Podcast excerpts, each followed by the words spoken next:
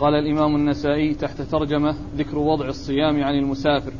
قال أخبرنا قتيبة. قال حدثنا أبو عوانة عن أبي بشر عن هاني بن الشخير عن رجل من بل من بلحريش عن أبيه رضي الله عنه أنه قال كنت مسافرا فأتيت النبي صلى الله عليه وآله وسلم وأنا صائم وهو يأكل. قال هلم. قلت إني صائم. قال تعال. ألم تعلم ما وضع الله عن المسافر؟ قلت وما وضع عن المسافر؟ قال الصوم ونصف الصلاة. بسم الله الرحمن الرحيم. الحمد لله رب العالمين وصلى الله وسلم وبارك على عبده ورسوله نبينا محمد وعلى آله وأصحابه أجمعين أما بعد. فهذا الحديث وما بعده من الأحاديث في معناه آه، ترجع إلى ترجمة جاء عن عدد من الصحابة أحاديث تدل عليها وقد مر ذكر جملة منها وهو وضع الصيام عن المسافر. وعرفنا وضع الصيام عن المسافر وأنه وضعه عنه أي عدم إلزامه به في الوقت. أما كونه يقضيه إذا أفطر يقضي ما ما ما ما أفطره. فإن هذا لا بد منه. وقد جاء في القرآن في عدة من أيام أخر أنه إذا أفطر فإنه يقضي ولا بد. وإذا فالوضع إنما هو عدم الإلزام في الوقت عدم الإلزام في الوقت وأن ذلك من التخفيف والتيسير من الله عز وجل على عباده فإنه شرع ويسر. وأورد النسائي حديث عبد الله بن الشخير رضي الله تعالى عنه وكان قال كان مسافرا فأتيت النبي صلى الله عليه وسلم وهو يأكل. قال هلم؟ قلت إني صائم. قال ألم تعلم ما وضع الله عن المسافر؟ وضع الله عن المسافر الصوم وشطر الصلاة أو نصف الصلاة والشطر هو النصف. والحديث هو مثل ما تقدم من الأحاديث التي وردت في هذا المعنى وفي هذا الموضوع وأن الله وضع عن المسافر نصف شطر الصيام وشطر الصلاة أي الصلاة الرباعية حيث آه، شرع أن تكون اثنتين بدل الأربع الأربع في الحضر فتكون في السفر اثنتين. فوضع الله عن المسافر ويسر وخفف فصار غير ملزم بالصيام في الوقت وعليه القضاء ووضع نصف الصلاة إلى غير بدل. ووضع نصف الصلاة إلى غير بدل. بخلاف الصيام الصيام هو وضع إلى بدل وهو القضاء. ووضع نصف الصلاة هو وضع إلى غير بدل. كما عرفنا ذلك من قبل. والإسناد؟ قال أخبرنا قتيبة. أخبرنا قتيبة بن سعيد بن جميل بن طريف البغلاني ثقة ثبت أخرج له أصحاب الكتب الستة. عن أبي عوانة. عن أبي عوانة الوضاح بن عبد الله اليشكري الواسطي وهو ثقة أخرج له أصحاب الكتب الستة. عن أبي بشر وهو جعفر بن جعفر بن إياس بن وهو ابن أبي وحشية. ابن أبي وحشية جعفر بن إياس اليشكري الواسطي وهو ثقة أخرج له أصحاب الكتب الستة. عن هانئ بن الشخير. عن هانئ بن الشخير هانئ بن عبد الله. نسب إلى جده. وجاء في بعض الروايات كما سيأتي نسبته إلى أبيه. هانئ بن عبد الله بن الشخير. وهانئ بن عبد الله بن الشخير مقبول أخرج حديثه النسائي وحده. عن, عن رجل من بلحريش. ثم قال عن رجل من بني من بلحريش وهم من بني, بني الحريش. بني الحريش. ويعني يقال لهم بل حريش. يعني آه هذه قبيلة من قبائل العرب. وكلمة عن رجل سيأتي في الطرق بعض الطرق الآتية أن هانئ بن عبد الله ابن الشخير يروي عن أبيه يروي عن أبيه وليس بينه وبينه واسطة. في حديث أبي زرعة عبيد الله بن عبد الكريم الذي سيأتي فإن الإسناد ليس فيه واسطة بين هانئ وبين عبد الله. وقد قال المزي في تحفة الأشراف إن الصواب هو ما جاء في حديث عبيد الله بن عبد الكريم أي الرازي الذي سيأتي. أن هانئا أن أن هانئا يروي أن هانئا يروي عن أبيه عبد الله بن الشخير وليس يروي عن أحد عن أبيه وإنما يروي عن أبيه مباشرة وبدون واسطة. فيقول المزي إن المحفوظ أو الصواب هو ما جاء في حديث عبيد الله بن عبد الكريم اللي هو أبو أبو الرازي. وأما ما جاء في الطريقين اللذين قبله وهي التي معنا والتي بعدها طريق قتيبة وطريق الطرسوسي.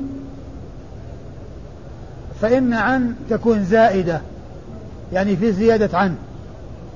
وعلى هذا فيكون الكلام عن هانئ ابن الشخير رجل من بل من بل حريش عن أبيه.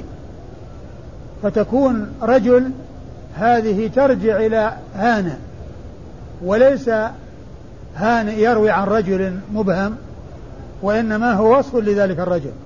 فيقول المزي إنها تكون إنها زائدة عن في هذين الطريقين. والصواب ما جاء في طريق عبيد الله بن عبد الكريم أن هاني أن يروي عن أبيه مباشرة وبدون واسطة. وعلى هذا فيكون فيه زيادة عن جاءت في الإسناد بين قبل رجل وبعد هانة.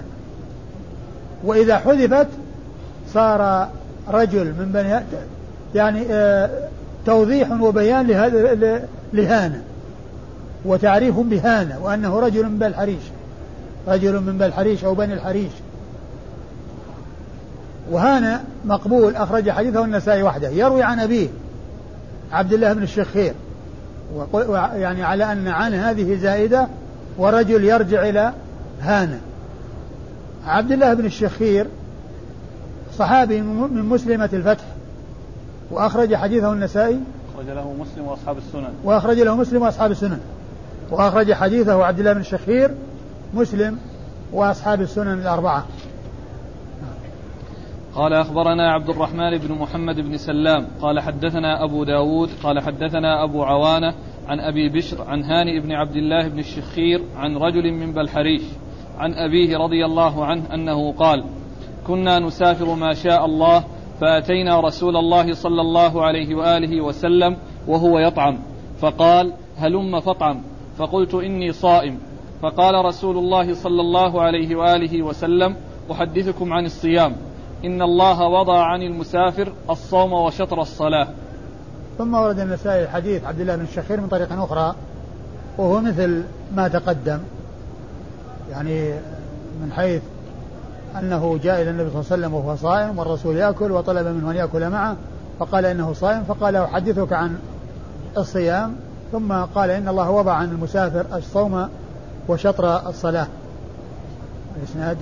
قال أخبرنا عبد الرحمن بن محمد بن سلام. أخبرنا عبد الرحمن بن محمد بن سلام بن سلام البغدادي ثم الطرسوسي. وقد ذكره المزي عندما آه، ذكره قال عبد الرحمن بن محمد نعم. ابن محمد بن سلام الطرسوسي. ثم قال إن عن زائدة في طريق الطرسوسي وطريق قتيبة. طريق قتيبة هي الأولى وطريق الطرسوسي اللي هي الثانية. طريق عبد الرحمن بن محمد بن سلام. بن سلام. فتكون عن قبل رجل زائدة. وهو آه، عبد الرحمن بن محمد ابن سلام البغدادي ثم الطرسوسي وهو ثقة. لا بأس به. وهو لا بأس به. ولا بأس به تعادل صدوق. لا بأس به تعادل صدوق. آه، أخرجه أبو داود والنسائي. أخرج حديثه أبو داود والنسائي. عن أبي داود. عن أبي داود وهو سليمان بن داود الطيالسي وهو ثقة أخرج حديثه البخاري تعليقا ومسلم وأصحاب السنة الأربعة. عن أبي عوانة عن أبي بشر عن هاني بن عبد الله بن الشخير عن رجل عن أبيه. والباقي مثله وكلمة عن رجل مثل الإسناد الذي قبله عن فيه زائدة ورجل ترجع إلى إلى هانئ الذي هو من بلحريش يروي عن أبيه عبد الله بن الشخير رضي الله تعالى عنه. نعم.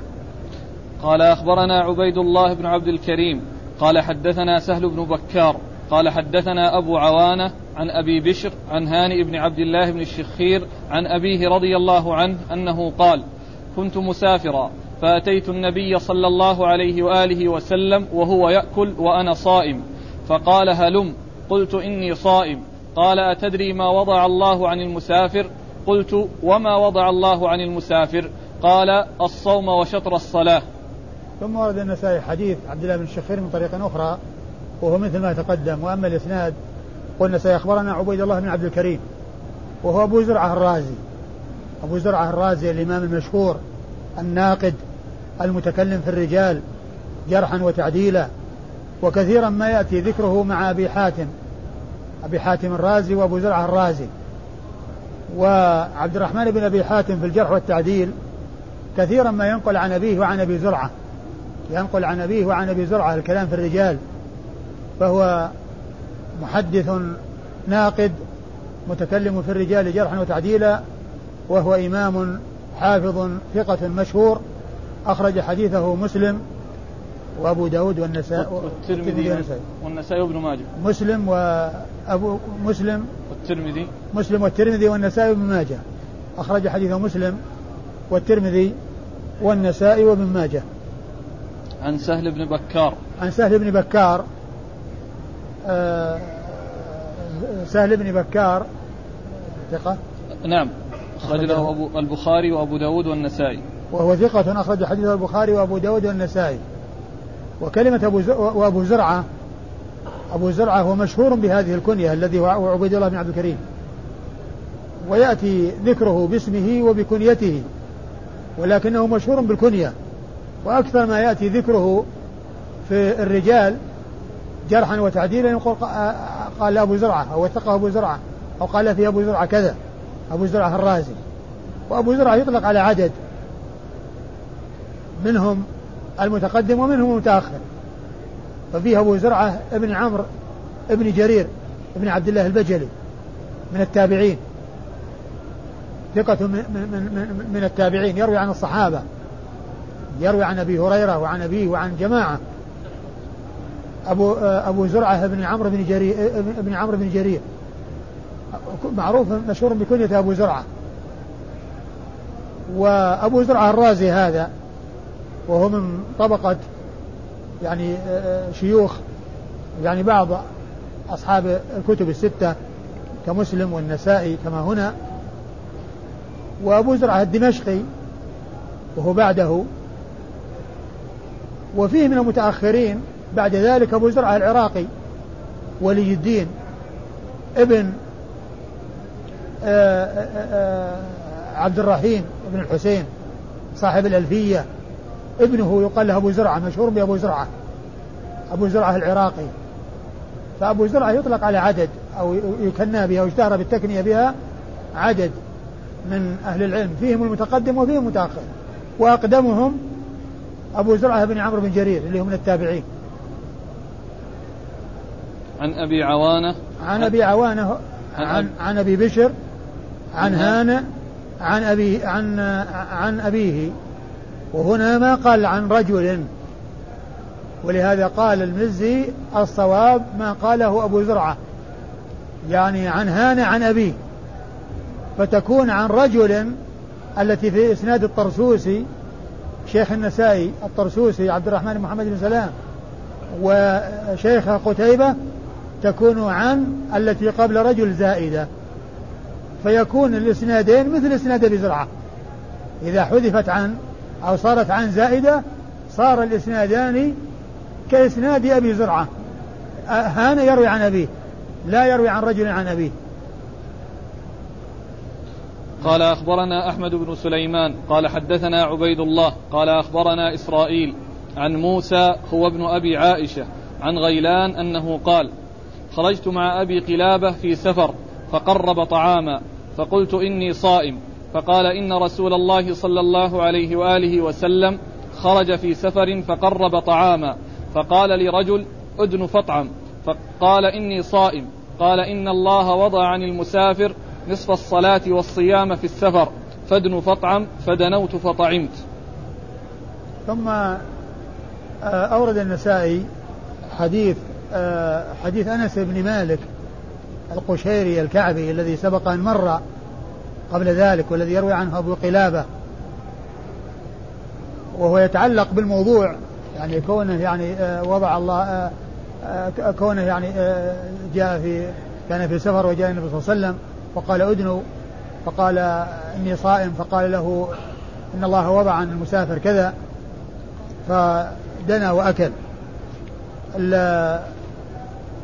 الإسناد أو الحديث هو ليس تابعا للذي قبله اللي هي عبد الله بن الشخير وإنما يرجع إلى ما مر عن أنس بن مالك الكعبي القشيري القشيري الكعبي الذي ليس له إلا حديث واحد وهو حديث هذا الحديث الذي جاء من طرق عنه وقد مرت بالأمس وهذه الطريق منها ولكنها جاءت متأخرة بعد طرق حديث عبد الله بن الشخير بعد طرق حديث عبد الله بن الشخير. والإسناد؟ قال أخبرنا أحمد بن سليمان. يقول سيخبرنا أحمد بن سليمان. يقول النسائي اخبرنا أحمد بن سليمان هو الرهاوي وهو, وهو ثقة حافظ أخرج حديثه النسائي وحده. عن عبيد, عن عبيد الله وهو بن موسى. إيش قال عنه؟ ثقة أخرج له أصحاب الكتب. وهو ثقة أخرجه أصحاب الكتب الستة. عن إسرائيل. عن إسرائيل وهو ابن يونس بن أبي إسحاق السبيعي. وهو ثقة أخرج له أصحاب الكتب الستة. عن موسى وهو ابن أبي عائشة. عن موسى هو ابن أبي عائشة وهو ثقة أخرج له أصحاب الكتب الستة. وكلمة هو ابن أبي عائشة الذي أتى بها من دون من دون إسرائيل الذي هو تلميذه. من دون إسرائيل هو الذي أتى بكلمة هو ابن أبي عائشة. وأما إسرائيل فما زاد على كلمة موسى. أما إسرائيل فما زاد في الرواية على ذكر موسى. ومن دون إسرائيل أتى بكلمة ابن أبي عائشة وأتى قبلها بكلمة هو حتى يبين أن هذا الكلام أتى به من أتى به ممن دون التلميذ من أجل أن يبين المبهم المهمل الذي هو موسى الذي سمي ولم ينسب فهو ابن أبي عائشة وهو ثقة أخرج حديثه أصحاب الكتب الستة. عن, عن غيلان. عن غيلان بن جرير المعولي وهو ثقة أخرج له أصحاب الكتب الستة. أخرج له أصحاب الكتب الستة. إيش يقول؟ عن عن أبي قلابة. نعم. وأبو قلابة عبد الله بن زيد الجرمي وهو ثقة يرسل أخرج حديثه أصحاب الكتب الستة. تعيد المتن. عن غيلان أنه قال خرجت مع أبي قلابة في سفر فقرب طعاما فقلت إني صائم فقال إن رسول الله صلى الله عليه وآله وسلم خرج في سفر فقرب طعاما. فقال لرجل أدن فطعم. قال إني صائم. قال إن الله وضع عن المسافر نصف الصلاة والصيام في السفر. فادن فطعم فدنوت فطعمت. ثم أورد ثم ذكر النسائي المتن وهو صورة صورة المرسل. صورته صورة المرسل لأنه يقول لم أو أبو قلابة قدم طعاما فقال لصاحبه الذي هو غيلان أدنو فقال إني صائم فقال إن الرسول صلى الله عليه وسلم آه، جاء إليه رجل وكان صائما فقال له أدنو فقال الرجل إني صائم فقال إن الله وضع عنه كذا. ومن المعلوم أن أنه قد مر الحديث يعني آه، موصولا ومتصلا وهنا في آخره ما يدل على الاتصال لأنه قال فدنوت فطعمت وهذا كلام الصحابي. ومعنى هذا أن آه، يعني أن أن أن أن أن, أن, فيه الإشارة إلى أن أبا أبا زرعة أبو, أبو قلابة سمع أو أخذ عنه كما سبق أن جاءت الرواية عن أبي قلابة عن أنس بن مالك. عن أبي قلابة عن أنس بن مالك. قوله فدنوت فطعمت يعني هذا كلام الرجل الذي هو أنس بن مالك الكعبي. القشيري الذي يروي عنه, عنه أبو, أبو قلابة. لكن أول الصورة صورة المرسل. لأن أبو قلابة يقول جاء رجل كان الرسول في سفر فجاء رجل وكذا وكذا. ما قال إنه يروي عن عن رجل أنه فعل كذا وكذا. لكن في آخره كون رجل قال فدنوت فطعمت يعني معناه إنه يعني فيه ما يدل على السماع والاتصال. ولو لم يكن فيه فدنوت فطعمت فإنه قد عرف بالطرق المتقدمة أن ذلك الرجل هو أنس بن مالك القشيري وقد روى عنه أبو قلابة كما في الطرق المتقدمة نعم. قال فضل الإفطار في السفر على الصيام قال أخبرنا إسحاق بن إبراهيم قال حدثنا أبو معاوية قال حدثنا عاصم الأحول عن مورق العجلي عن أنس بن مالك رضي الله عنه أنه قال كنا مع رسول الله صلى الله عليه وآله وسلم في السفر فمنا الصائم ومنا المفطر فنزلنا في يوم حار واتخذنا ظلالا فسقط الصوام وقام المفطرون فسقوا الركاب فقال رسول الله صلى الله عليه وآله وسلم ذهب المفطرون اليوم بالأجر. ثم ذكر النسائي هذه الترجمة وهي فضل الإفطار في السفر على الصيام. فضل الإفطار في السفر على الصيام. والمقصود من هذه الترجمة أن الإفطار يعني يكون مقدما على الصيام في بعض الأحوال كما أن الصيام يكون مقدما على الإفطار في بعض الأحوال وقد ذكرت ذلك في درس في درس مضى أنه إذا كان فيه مشقة ويغلب ويلحق الإنسان به ضرر فالإفطار مطلوب. وإذا كان لا يلحق الإنسان به مشقة لا يلحق الإنسان مشقة وفيه سهولة ويسر فالصيام هو الأولى. فالصيام هو الأولى. والترجمة التي معنا فضل الإفطار في السفر على الصيام. وأورد فيه حديث أنس بن مالك رضي الله عنه. قال كنا مع النبي صلى الله عليه وسلم في سفر فمنا فمنا الصائم ومنا المفطر فنزلنا منزلا في يوم حار وكنا في ظل ف نزل الصوام يعني معناه أنهم استراحوا ولم يتمكنوا من الحركة والشغل فقام المفطرون بما يلزم لرحالهم ورحال الصائمين. قام المفطرون بما يلزم لرحالهم ورحال الصائمين لإبلهم وإبل الصائمين. قاموا بما يلزم لهم ولغيرهم. فالرسول صلى الله عليه وسلم قال ذهب المفطرون اليوم بالأجر. يعني أن هؤلاء قاموا بأعمال لأنفسهم ولغيرهم. وسبب ذلك أنهم كانوا مفطرين فصار عندهم القدرة التي ليست عند الصائمين.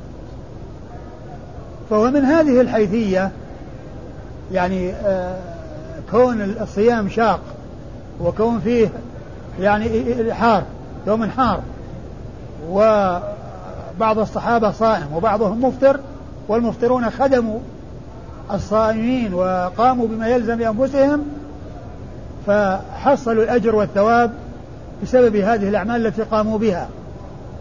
ولا يعني ذلك أن الصائمين لا أجر لهم وأن أجر الصائمين صار للمفطرين بل الصائمون لهم أجرهم. ولكن أولئك بأعمالهم التي عملوها لأنفسهم ولغيرهم صار أجرهم أعظم.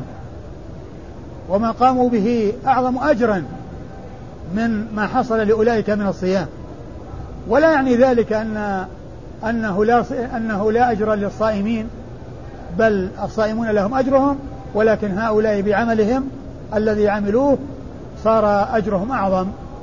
وقال عنهم الرسول صلى الله عليه وسلم ذهب المجرمون ذهب المفطرون اليوم بالأجر. ذهب المفطرون اليوم بالأجر. آه الإسناد؟ قال أخبرنا إسحاق بن إبراهيم. إسحاق بن إبراهيم بن مخلد ابن مخلد بن راهوية الحنظلي المروزي. ثقة فقيه وصف بأنه أمير المؤمنين في الحديث وحديثه أخرجه أصحاب الكتب الستة إلا ابن ماجه.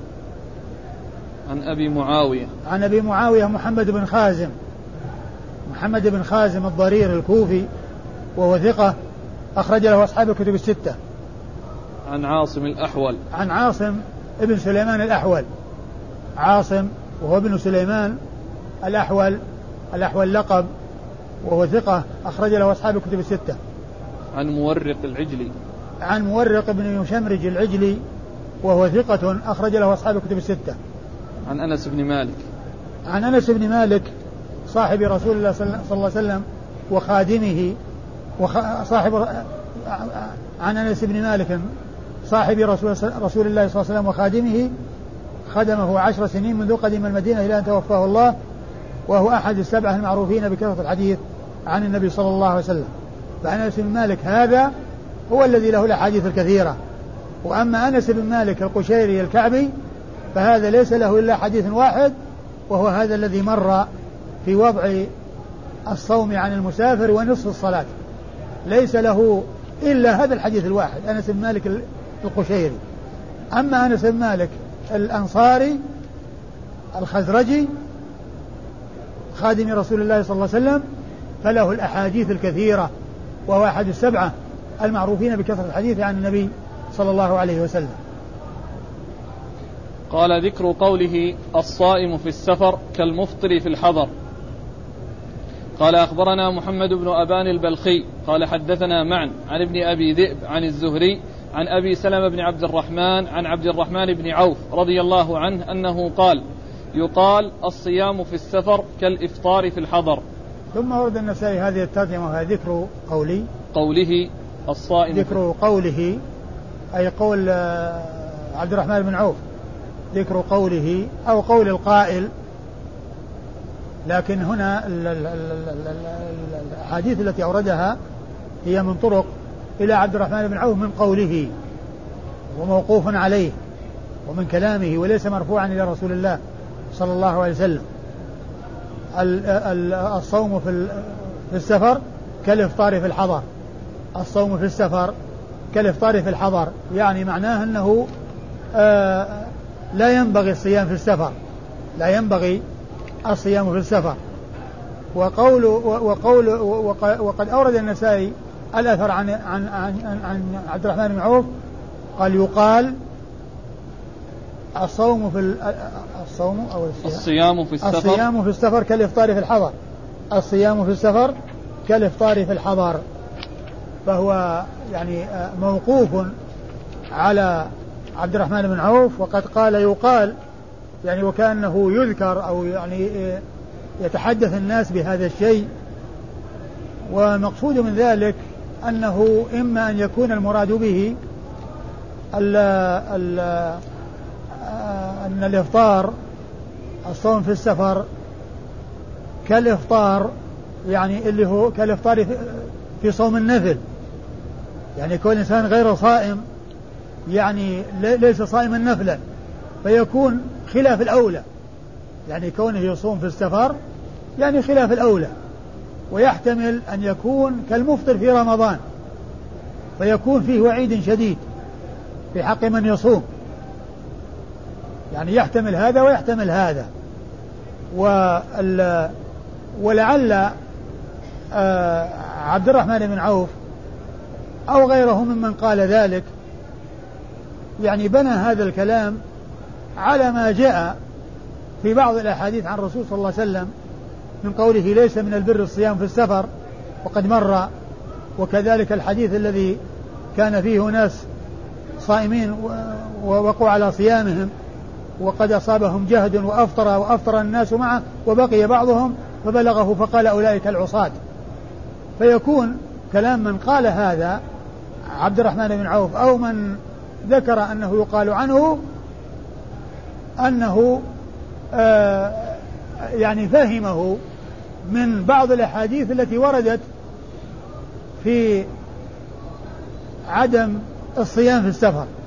ليس من البر الصيام في السفر ذهب أولئك العصاة وهذا إنما كان لسبب وكان لحالة خاصة ومن المعلوم أنه إذا كان هناك مضرة فليس من البر بل على الإنسان أن يفطر بل على الإنسان أن يفطر. أما مجرد الصوم حيث لا مشقة فلا يقال أن صاحبه أنه مذموم وأنه كالمفتري كالمفتري في الحضر وأنه كالمفتري في الحضر.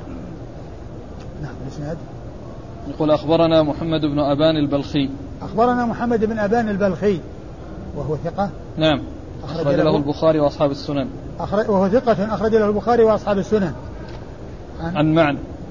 عن معن بن عيسى وهو ثقة أخرج له أصحاب الكتب الستة. عن ابن أبي ذئب. عن ابن أبي ذئب وهو محمد بن عبد الرحمن ابن المغيرة بن أبي ذئب وهو ثقة أخرج له أصحاب الكتب الستة. عن الزهري. عن الزهري محمد بن مسلم بن عبيد الله بن شهاب الزهري ثقة فقيه أخرج حديثه أصحاب الكتب الستة. عن أبي سلمة عن أبي سلمة بن عبد الرحمن بن عوف. عن أبي سلمة بن عبد الرحمن بن عوف المدني ثقة فقيه هو أحد فقهاء المدينة السبعة على أحد الأقوال الثلاثة في السابع منهم وحديثه أخرجه أصحاب الكتب الستة. عن أبيه عبد الرحمن بن عوف. عن أبيه عبد الرحمن بن عوف صاحب رسول الله صلى الله عليه وسلم وأحد العشرة المبشرين بالجنة الذين بشرهم النبي صلى الله عليه وسلم بالجنة في حديث واحد.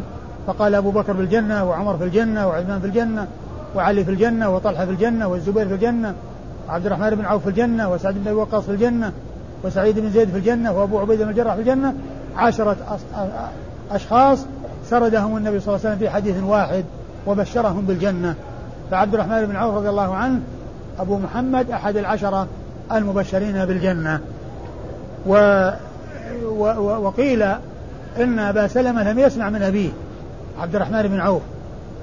وعلى هذا فيكون فيه مع كونه موقوف أيضا فيه انقطاع. مع كونه موقوف أيضا فيه انقطاع. ولا يقال إن هذا من قبيل ما, لا ما, ما, ما ليس للرأي فيه مجال. أنه ليس لأنه إذا إذا بت الشيء موقوفا وليس للرأي فيه مجال فإنه يكون له حكم الرفع ويكون حديثا مضاف إلى الرسول صلى الله عليه وسلم حكما لأن له حكم الرفع. لا يقال ذلك لأن هذا يمكن أن يكون للرأي فيه مجال من حيث أن أن أنه يعني يغلظ أو أنه جاء عن طريق الفهم من بعض الأحاديث التي أشرت إليها ليس من البر الصيام في السفر وكذلك أولئك العصاة مع أنه جاء أحاديث تدل على الصيام أحاديث كثيرة تدل على الصيام. فلا يعني يقال إن المفطر إن الصائم في السفر كالمفطر في الحضر اللهم إلا إذا كان هناك أجهده الصيام وحصل له المضرة فعند ذلك يكون مثل ما جاء في أولئك العصاة. أولئك العصاة أو ليس من البر الصيام في السفر. قال أخبرنا محمد بن يحيى بن أيوب قال حدثنا حماد بن الخياط وأبو عامر قال حدثنا ابن أبي ذئب عن الزهري عن أبي سلمة عن عبد الرحمن بن عوف رضي الله عنه أنه قال الصائم في السفر كالمفطر في الحضر.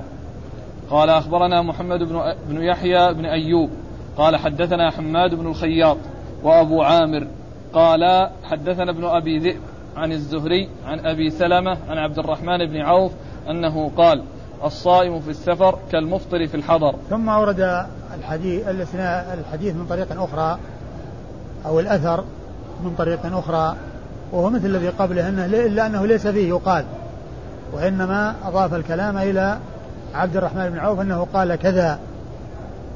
أنه قال المفطر الصائم في السفر كالمفطر في الحضر والكلام هو نفس الكلام لأن المتن هو نفس المتن. والإسناد؟ أخبرنا محمد بن يحيى بن أيوب. أخبرنا محمد بن يحيى بن أيوب وهو ثقة أخرج له الترمذي والنسائي. وهو ثقة أخرج له الترمذي والنسائي. محمد بن يحيى بن, بن أيوب ثقة أخرج له الترمذي والنسائي. عن حماد بن الخياط. عن حماد بن خياط. حماد بن خالد وهو ثقة أخرج حديثه مسلم وأصحاب السنة الأربعة. وأبو عامر. وأبو عامر العقدي وهو عبد الملك بن عمر وهو ثقة أخرج حديثه أصحاب الكتب الستة. عن ابن أبي ذئب عن الزهري عن أبي سلمة عن عبد الرحمن بن عوف. عن ابن أبي ذئب عن الزهري عن أبي سلمة عن عبد الرحمن بن عوف وقد مر ذكر هؤلاء الأربعة في الإسناد الذي قبل هذا. قال أخبرنا محمد بن يحيى بن أيوب قال حدثنا أبو معاوية قال حدثنا ابن أبي ذئب عن الزهري عن حميد بن عبد الرحمن بن عوف عن أبيه أنه قال الصائم في السفر كالمفطر في الحضر. ثم ورد النسائي الحديث من طريق أخرى أو الأثر من طريق أخرى عن عبد الرحمن بن عوف ولكنه من طريق حميد بن عبد الرحمن ابنه حميد بن عبد الرحمن بن عوف. أن عبد الرحمن بن عوف قال هذه المقالة الصيام في السفر كالإفطار في الحضر والإسناد؟ أخبرنا محمد بن يحيى بن أيوب. أخبرنا محمد بن يحيى بن أيوب وقد مر ذكره. عن أبي معاوية. عن أبي معاوية وقد مر ذكره محمد بن خازم. عن أبي ذئب عن الزهري عن ابن أبي ذئب عن الزهري وقد مر ذكره. عن حميد بن عبد الرحمن بن عوف وهو ثقة أخرج حديثه أصحاب الكتب الستة. عن أبيه عبد الرحمن وقد مر ذكره. قال الصيام في السفر وذكر اختلاف خبر ابن عباس فيه. قال أخبرنا محمد بن حاتم قال أخبرنا سويد قال أخبرنا عبد الله عن شعبة عن الحكم عن مقسم عن ابن عباس رضي الله عنهما أن النبي صلى الله عليه وآله وسلم خرج في رمضان فصام حتى أتى قديدا ثم أتي بقدح من لبن فشرب وأفطر هو وأصحابه. ثم بعدما أورد النسائي الأبواب المتعلقة بعدم الصيام في السفر والإرشاد إلى عدم الصيام في السفر أورد يعني هذه الترجمة التي فيها الصيام في السفر التي فيها الصيام في السفر. ومعنى هذا أن النبي صلى الله عليه وسلم جاء عنه الصيام وجاء عنه الإفطار. وفي والحكم فيه التفصيل الذي أشرت إليه من قبل. يكون في مشقة يكون الإفطار. ما في مشقة يكون الصيام. وعلى هذا فإن الصيام في السفر سائغ والإفطار سائغ. ولكن هذا يكون أولى في بعض الأحيان وهذا يكون أولى في بعض الأحيان. وهذا يكون أولى في بعض الأحيان. فهذه الترجمة تتعلق بالصيام وحصول الصيام. وهو يبين يعني ما تقدم في الباب الذي قبل هذا يعني من أن الكلام في أن المفطر في الصائم في السفر كالمفطر في الحضر أنه ليس بصحيح. اللهم إلا يحمل على من صام في السفر وقد أنهكه الصيام فإن هذا ألحق بنفسه ضررا. فيكون من جنس ما جاء عن النبي صلى الله عليه وسلم ليس من البر الصيام في السفر. أما إذا كان هناك ضرر فللإنسان أن يصوم لا سيما في هذا الزمان الذي السفر فيه سهولة وفيه يسر ووقت أوقات يسيرة ساعة أو ساعتين أو أكثر أو أقل يعني بالطائرة وبالسيارة يعني آه، الصوم يمكن الإنسان يفطر وله أن يصوم لكن يصوم يكون الصوم أولى في بعض الأحوال ويكون الإفطار أولى في بعض الأحوال. هنا أورد الأحاديث المتعلقة بالصيام وأن الصيام في السفر جاء أحاديث تدل عليه. جاءت أحاديث تدل على الصيام في السفر. نعم. قال أخبرنا محمد بن حاتم. نعم. قال أخبرنا سويد. لا أقرأ المتن مرة ثانية. إيه، إيه. قال عن ابن عباس رضي الله عنهما أن النبي صلى الله عليه وآله وسلم خرج في رمضان فصام حتى أتى قديدا ثم أتي بقدح من لبن فشرب وأفطر هو وأصحابه. ثم أن النبي صلى الله عليه وسلم خرج في رمضان إلى مكة. فلما بلغ قديدا وهو مكان في طريق مكة آه، دعا بقدح بقدح لبن. نعم. فشرب فأفطره أصحابه. وهذا يدل يعني يدل على الصيام والإفطار. لأنه كان من من مكة من المدينة إلى قديد. كل هذه المسافة وهو يصوم. الأيام التي مضت وهو يصوم. وبعد قديد أفطر. أفطر في قديد في أثناء النهار. فدل هذا على أن الإنسان له أن يفطر إذا سافر ولو كان قد بدأ الصيام. له أن يفطر ولو كان قد بدأ الصيام فله أن يفطر. وبعد ذلك استمر مفطرا حتى قدم مكة. كما جاء في بعض الروايات الأخرى. وعلى هذا فالحديث دال على الصيام والإفطار. وأن النبي صلى الله عليه وسلم صام وأفطر. صام في السفر وأفطر. فدل على أن الصيام سائغ وأن الإفطار سائغ. لكن يكون الإفطار أولى في بعض الأحوال ويكون الصيام أولى في بعض الأحوال. قال أخبرنا محمد بن حاتم. أخبرنا محمد بن حاتم بن نعيم المروزي. وهو ثقة أخرج حديثه النسائي وحده. عن سويد. عن سويد بن نصر المروزي ثقة. أخرج حديثه الترمذي والنسائي. عن عبد الله بن المبارك. ثقة أخرج حديثه أصحاب الكتب الستة. عن شعبة. عن شعبة بن الحجاج الواسطي. ثم البصري ثقة. وصف بأنه أمير المؤمنين في الحديث وحديثه أخرجه أصحاب الكتب الستة. عن الحكم. عن الحكم بن عتيبة الكندي وهو ثقة فقيه أخرج له أصحاب الكتب الستة. عن مقسم. عن مقسم وهو مولى عبد الله بن الحارث. ويقال له مولى ابن عباس للزومه إياه وإلا فهو مولى عبد الله بن الحارث. وقد اشتهر بمولى ابن عباس من أجل أنه ملازم له فهي نسبة إلى غير ما يسبق إلى الذهن. هذه النسبة نسبة إلى غير ما يسبق إلى الذهن لأن الذي يسبق إلى الذهن أنه مولاه من حيث الولاء وهو مولاه هنا لملازمته إياه. لملازمته إياه فقط وإلا فهو مولى عبد الله بن الحارث وهو صدوق أخرج حديثه البخاري وأصحاب السنن. نعم. صدوق أخرج حديثه البخاري وأصحاب السنن الأربعة. عن ابن عباس. عن ابن عباس عبد الله بن عباس بن عبد المطلب ابن عم النبي صلى الله عليه وسلم وأحد العبادلة الأربعة من أصحابه الكرام وهم عبد الله بن عباس وعبد الله بن الزبير وعبد الله بن عمر وعبد الله بن عمر هؤلاء هم العبادلة الأربعة من أصحاب رسول الله. صلى الله عليه وسلم الذين اشتهروا بهذا اللقب لقب العبادلة الأربعة أو العبادلة و آه، وهو أحد السبعة المعروفين بكثرة الحديث عن النبي صلى الله عليه وسلم. قال أخبرنا القاسم بن زكريا قال حدثنا سعيد بن عمرو قال حدثنا عبثر عن العلاء بن المسيب عن الحكم بن عتيبة عن مجاهد عن ابن عباس رضي الله عنهما أنه قال صام رسول الله صلى الله عليه وآله وسلم من المدينة حتى أتى قديدا ثم أفطر حتى أتى مكة. ثم ورد النسائي حديث ابن عباس من طريق أخرى وفيه أن النبي صلى الله عليه وسلم خرج يعني من المدينة إلى مكة فمن المدينة إلى مكة وهو يصوم ومن من قديد إلى من المدينة إلى قديد وهو يصوم ومن قديد إلى مكة وهو مفطر. وهنا يعني بين أن في هذا الإسناد أنه صام حتى أتى قديدا ثم أفطر حتى قدم مكة. فدل على الصيام والإفطار. ومحل الشاهد للترجمة وهي الصيام في السفر لما جاء في أوله وأن النبي صلى الله عليه وسلم خرج وصام حتى وصل قديدا. وقديدا يعني هي أكثر الطريق من مكة إلى من المدينة إلى قديد. من المدينة إلى قديد هو أكثر الطريق. لأن الآن هو قديد عند نهاية الجبال. إذا ذهب الإنسان مع الطريق هذا الذي هو طريق الجديد إذا انتهت الجبال وأقبل على المفرق اللي يذهب إلى جدة هناك الوادي. هو آخر آخر آه، آخر يعني يعني آه، موضع يعني قبل الوادي. قبل الكبري الذي يعني يكون عنده المفرق إلى جدة فهو المسافة من المدينة إلى إلى قديد هي الأطول ومن قديد إلى مكة أقل فالصيام أكثر من الإفطار.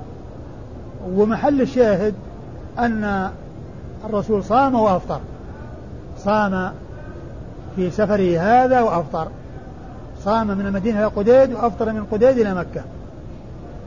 اسناد قال أخبرنا القاسم بن زكريا. أخبرنا القاسم بن زكريا وهو ثقة أخرج له مسلم والترمذي والنسائي وابن ماجه. وهو ثقة أخرج له مسلم والترمذي والنسائي وابن ماجه. عن سعيد بن عمرو. عن سعيد بن عمرو الأشعثي وهو ثقة نعم أخرج له مسلم والنسائي. وهو ثقة أخرج حديثه مسلم والنسائي. عن عبثر. عن عبثر بن القاسم. عن عبثر ابن القاسم وهو ثقة أخرج له أصحاب الكتب الستة. عن العلاء بن المسيب. عن العلاء بن المسيب وهو ثقة أخرج له أصحاب الكتب إلا وهو الترمذي. وهو ثقة أخرج حديثه أصحاب الكتب الستة إلا الترمذي. عن الحكم بن عتيبة عن مجاهد. عن الحكم بن عتيبة وقد مر ذكره عن مجاهد بن جبر المكي وهو ثقة أخرج له أصحاب الكتب الستة. عن ابن عباس وقد مر ذكره. قال أخبرنا زكريا بن يحيى قال حدثنا الحسن بن عيسى قال أخبرنا ابن المبارك قال أخبرنا شعبة عن الحكم عن مقسم عن ابن عباس رضي الله عنهما أن رسول الله صلى الله عليه وآله وسلم صام في السفر حتى أتى قديدا ثم دعا بقدح من لبن فشرب فأفطر هو وأصحابه. ثم ورد النسائي الحديث من طريق أخرى وهو مثل ما تقدم صام حتى وصل قديدا ثم دعا بقدح فأفطر فشرب وأفطر هو وأصحابه. ومعنى هذا أنه صام في السفر. والمقصود أنه صام في السفر وهذا هو محل الشاهد للترجمة الصيام في السفر. الإسناد؟ قال أخبرنا زكريا بن يحيى. أخبرنا زكريا بن يحيى. السجزي وهو السجزي وهو ثقة. أخرج له النسائي وحده. أخرج حديثه النسائي وحده. عن الحسن بن عيسى. عن الحسن بن عيسى وهو ثقة أخرج له مسلم وأبو داود والنسائي. وهو ثقة أخرج حديثه مسلم وأبو داود والنسائي. عن ابن المبارك. عن ابن المبارك وهو عبد الله بن المبارك وقد مر ذكره. عن شعبة عن الحكم عن مقسم عن ابن عباس. عن شعبة عن الحكم عن مقسم عن ابن عباس وقد مر ذكرهم. قال ذكر الاختلاف على منصور. قال أخبرنا إسماعيل بن مسعود. قال حدثنا خالد عن شعبة عن منصور عن مجاهد عن ابن عباس رضي الله عنهما أنه قال خرج رسول الله صلى الله عليه وآله وسلم إلى مكة فصام حتى أتى عسفان فدعا بقدح فشرب. قال شعبة في رمضان. فكان ابن عباس رضي الله عنهما يقول من شاء صام ومن شاء أفطر. ثم ورد النسائي الحديث من طريق أخرى وفيه أن النبي صلى الله عليه وسلم يعني صام من من المدينة حتى بلغ عسفان وعسفان هو وراء قديد لا جهة مكة. فيحتمل أن تكون يعني أن يكون المقصود أنه آه، المكان يعني يعني بينهما أو أنه آه، يعني بعضهما قريب من بعض. فجاء في بعض الروايات ذكر قديد وفي بعض الروايات ذكر آه، عسفان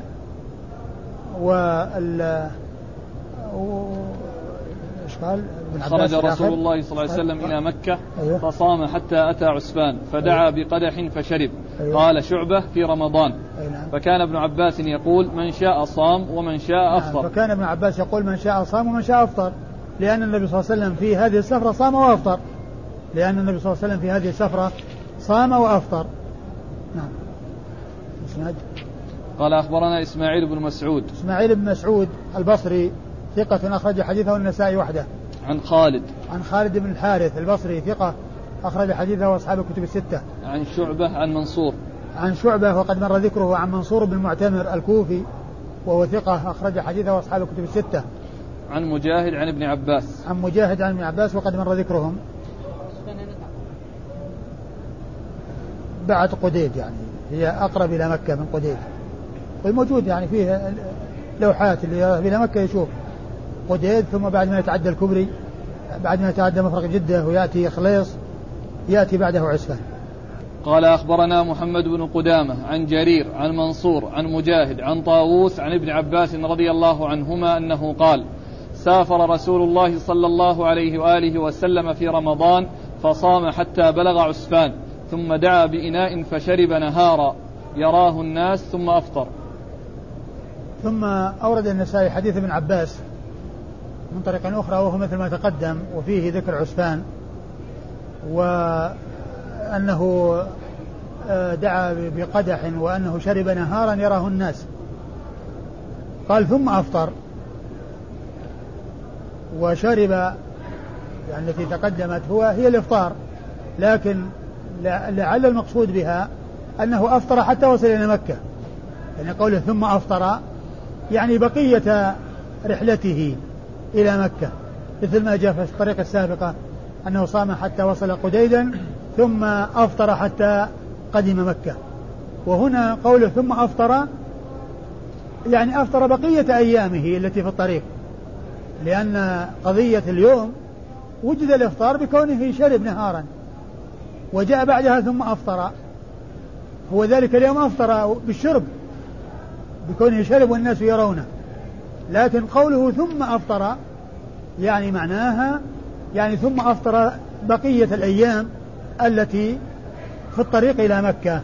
كما جاء ذلك موضحا في الطريق السابقة وهي أنه صام حتى بلغ قديدا ثم أفطر حتى قدم مكة.